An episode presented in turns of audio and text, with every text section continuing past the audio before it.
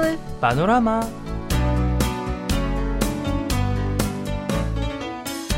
أيها الأصدقاء تحول ميدان سيول الواقع في وسط المدينة إلى مكتبة مفتوحة في الحوائط حيث يمكن لعامة الناس الاستراحة وقراءة الكتب في نفس الوقت.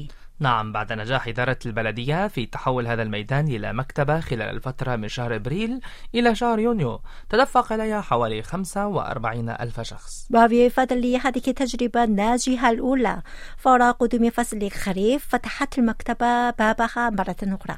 نعم وفي الصورة التي تضم مشهد المكتبة الجديدة يبدو الناس مرتاحين مع الجلوس على أرائك مريحة وقراءة كتب في المكتبة. فعلا إذا جلست هناك سوف أنا ربما أنا جلست هناك سوف أنام فورا فور فتح الكتاب يعني ستكون تلك أكبر سعادة بالنسبة للناس الذين يعانون من عدم تمكنهم من الوقوع في النوم بسهولة أو نقص النوم. الحمد لله هكذا سوف يستخدم ميدان السيول كمكان لراحة أفراد الأسر حتى شهر نوفمبر خلال أيام الجمعة والسبت والأحد. ومن أجل منح الآباء والأمهات فرصة للتركيز على القراءة بدون إزعاج من قبل الأولاد تم تخصيص منطقتين الأولى للآباء والثانية للأولاد جيد أيها الأصدقاء أهلا وسهلا ومرحبا بكم معنا في حلقة الاثنين من سيول بانوراما هيا نبدأ حلقة اليوم مع هذه الأغنية بعنوان 비가 오는 날엔 في يوم ممطر بصوت الفنانة هيت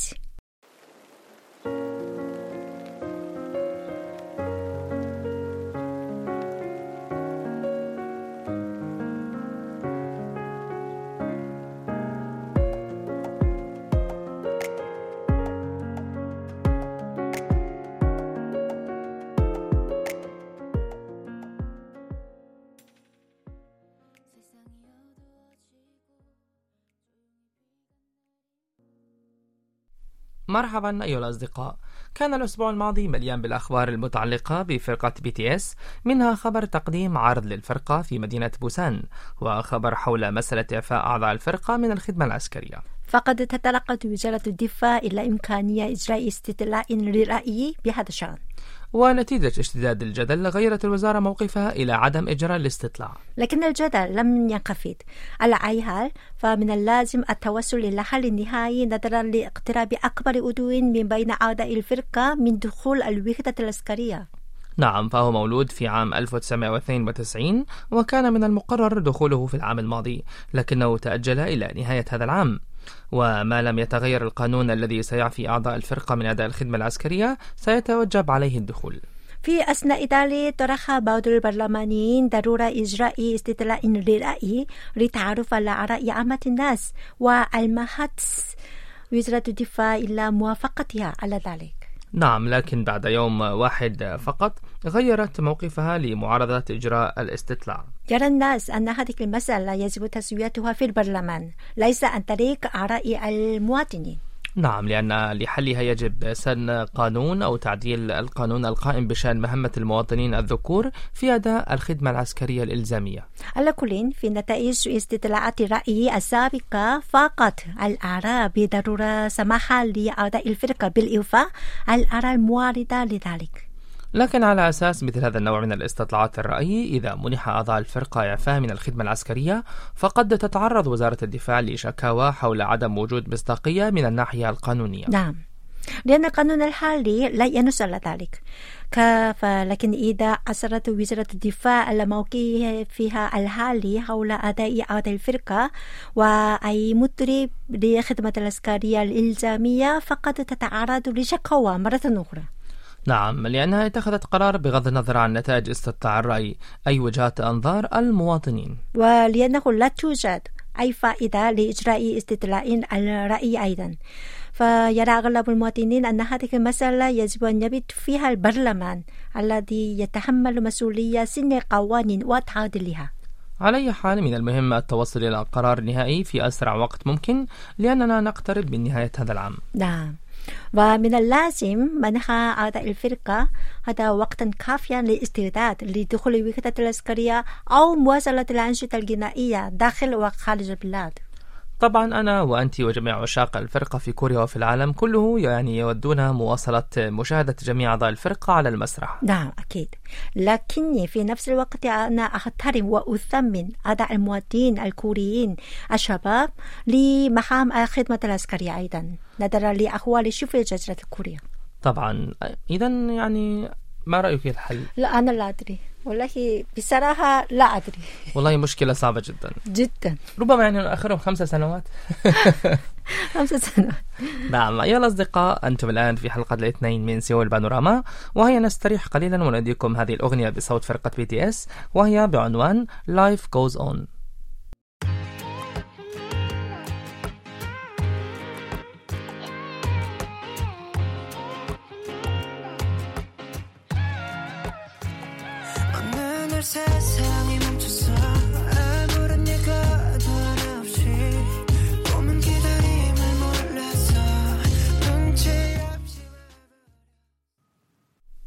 مرحبا.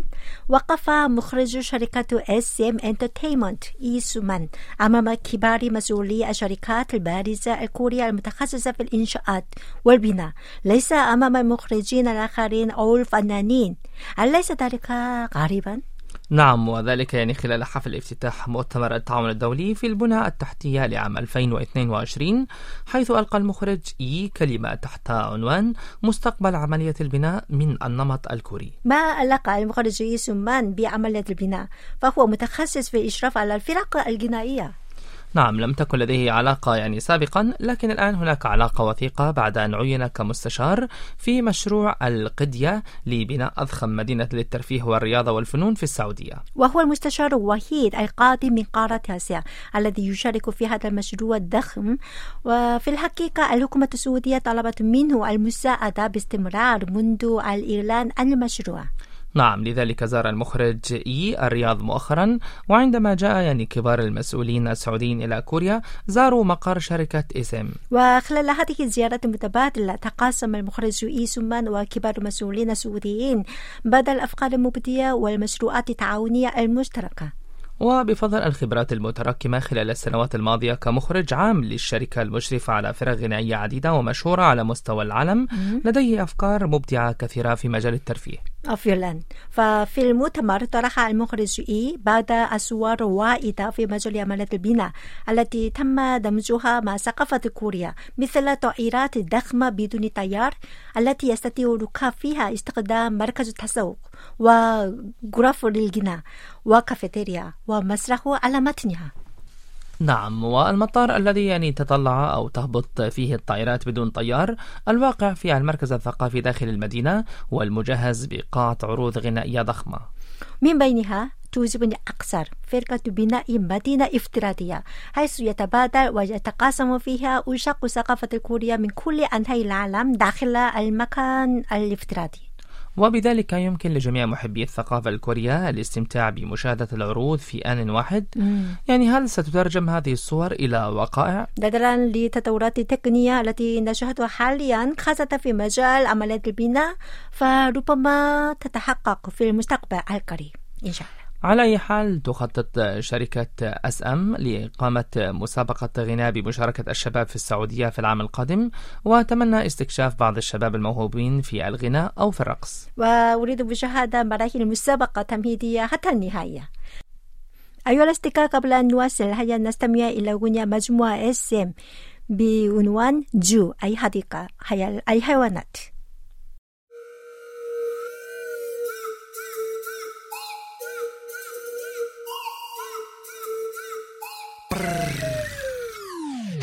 tiptoe Collect a lion CEO Boss like a bison. I'm in rush rush rush أيها الأصدقاء تعتبر كوريا دولة آمنة للسياحة أو للإقامة حتى بالنسبة للأجانب إذا هل هي دولة آمنة لسفر فتاة لوحدها؟ ما رأيك أميرة؟ آه المدن الكبيرة عاملة تقريبا لكن بعد أن أنا وجدت بعض الأخبار حول وقوع جرائم خاصة ضد النساء أنا أصبحت أقلق حول السلامة في كوريا. ألاحظ ذلك ربما خوفك له أساس إلى حد ما حيث اتضح في تحليل أخير أن كوريا احتلت المركز التاسع عشر من ناحية سلامة المرأة في السفر. نعم للأسف الشديد. هذا المركز ليس ضمن المراكز الأولى أولية فحيث شارك في تقليل 34 دولة فقط. وقد أجرته وكالة السياحة باونس التي تشرف على خدمة تخزين البدائية أيضا. وحسب التحليل الذي جاء في سبع مؤشرات هي معدل العنف ضد النساء والعنف الجنسي ومعدل يعني النساء التي قتلن من بين كل مئة ألف مواطن ومعدل السلامة. إلى جانب مدى شعور المرأة بالسلامة إذا هذا مشيت لوحدها في الشارع ليلا ومعدل العنف داخل المنازل ومؤشر المستوى الجنسي أيضا. ونتيجة لذلك تبين أن تايلاند هي الدولة الأكثر سلامة من بين تلك الدول بالحصول على 7.88 نقطة من بين 10 نقاط إجماليا.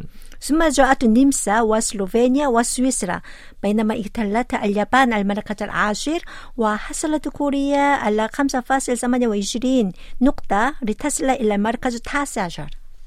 ووضعت يعني كوريا في المركز السابع من ناحية مؤشر السلامة لكنها كانت في مراكز متدنية فيما يتعلق بمؤشر المساواة الجنسية. أما مؤشر السلامة خلال المشي لوحدها ليلا فماذا أجاب؟ نعم يعني أجاب حوالي نصف عدد المشاركات بأنهن آمنات في المشي ليلا لوحدهن.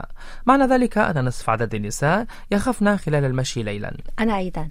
أنا أخاف من المشي أو التجول لوحدي ليلا ولا أفعل ذلك إطلاقا في شوارع أو في الحدائق. نعم بالنسبة لي لم أشعر إطلاقا بعدم السلامة أو عدم الأمن في الشوارع في سيول حيث أمارس الرياضة ليلا أو في منتصف الليل أو ألتقي ببعض الأصدقاء مساء في أغلب الأحيان بعد الدوام. الحمد لله. على كل تعتبر كوريا دولة آمنة إلى حد كبير وأتمنى أن تكون أكثر سلامة بالنسبة للنساء نهارا وليلا إن شاء الله. إن شاء الله. I'm waiting for a man. هكذا وصلنا لنهاية حلقة اليوم وفي الختام نودعكم مع هذه الأغنية بعنوان بوتونغ ناري كيجوك أي معجزة يوم عادي وهي بصوت الفنانة ستيلا جان شكرا لكم وإلى اللقاء إلى اللقاء